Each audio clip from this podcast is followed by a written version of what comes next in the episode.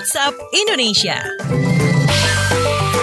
Kita keliling Indonesia lagi di WhatsApp Indonesia. Kita awali dari Jakarta, pemerintah masih kaji permohonan amnesti baik Nuril. Selengkapnya bersama reporter KBR ada Valda Kustarini. Selamat pagi. Selamat pagi. Pemerintah masih mengkaji permohonan amnesti terhadap terpidana kasus pelanggaran Undang-Undang Informasi dan Transaksi Elektronik baik Nuril yang peninjauan kembalinya ditolak oleh Mahkamah Agung. Menurut tenaga ahli utama kantor staf Presiden Ifdal Kasim, salah satu pertimbangan pemberian amnesti adalah adanya kepentingan negara. Ifdal menegaskan Presiden Jokowi berkomitmen menyelesaikan kasus Nuril. Namun, Jokowi harus tetap mengikuti undang-undang tentang amnesti dan abolisi. Pada pemerintahan terdahulu, pemberian amnesti pernah diberikan Presiden B.J. Habibie untuk tahanan politik Orde Baru. Saudara, akibat putusan MA, Nuril tetap dihukum 6 bulan penjara dan denda 500 juta rupiah karena dinilai terbukti menyebarkan konten asusila melalui media elektronik. Kasus baik Nuril pun menyedot perhatian publik sampai sebuah petisi digulirkan untuk membebaskannya dari jerat UU ITE bertagar Save Ibu Nuril. Jaringan kebebasan berekspresi Asia Tenggara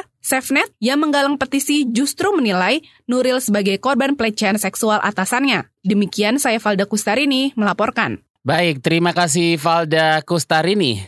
Dan selanjutnya kita mampir ke Banyumas. Jumlah klien Balai Rehab Napsa Kemensos Batu Raden Banyumas rendah.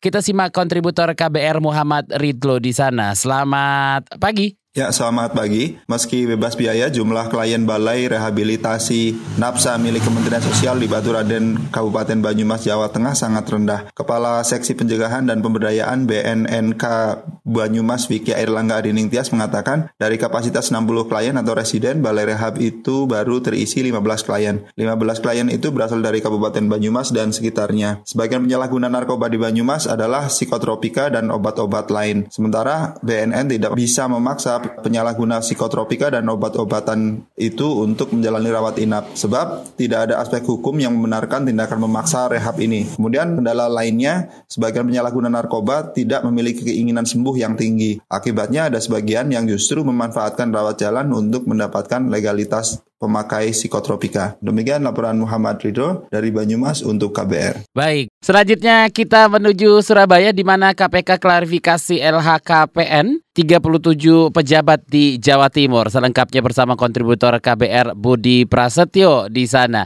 Selamat pagi, Komisi Pemberantasan Korupsi mengklarifikasi laporan harta kekayaan pejabat negara dari 37 pejabat di Jawa Timur. Klarifikasi dilakukan sejak kemarin di kantor Gubernur Jawa Timur. Kepala Satgas Pemeriksaan LHKPN Deputi Pencegahan KPK, Nexio Helmus menjelaskan, klarifikasi bertujuan mencegah tindak pidana korupsi di Jawa Timur yang terbilang tinggi. Kata Nexio, klarifikasi laporan harta kekayaan pejabat negara milik 30 27 pejabat di Jawa Timur itu akan berlangsung selama lima hari kerja. Pada hari pertama kemarin, KPK mengklarifikasi LHKPN milik tujuh pejabat. Kata dia, agenda pemeriksaan yakni melakukan pengecekan barang bergerak maupun tidak bergerak yang menjadi aset para pejabat. Dengan adanya pemeriksaan itu, diharapkan para pejabat melakukan perbaikan jika nanti ditemukan kesalahan atau ketidaksesuaian. Menurutnya, selain melakukan pencegahan dari beberapa kasus di Jatim, pemeriksaan LHKPN itu juga untuk menjalankan fungsi pengawasan terhadap adanya potensi dugaan tindak pidana korupsi. Demikian saya Budi Prasetyo melaporkan.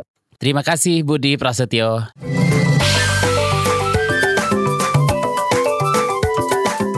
WhatsApp Indonesia.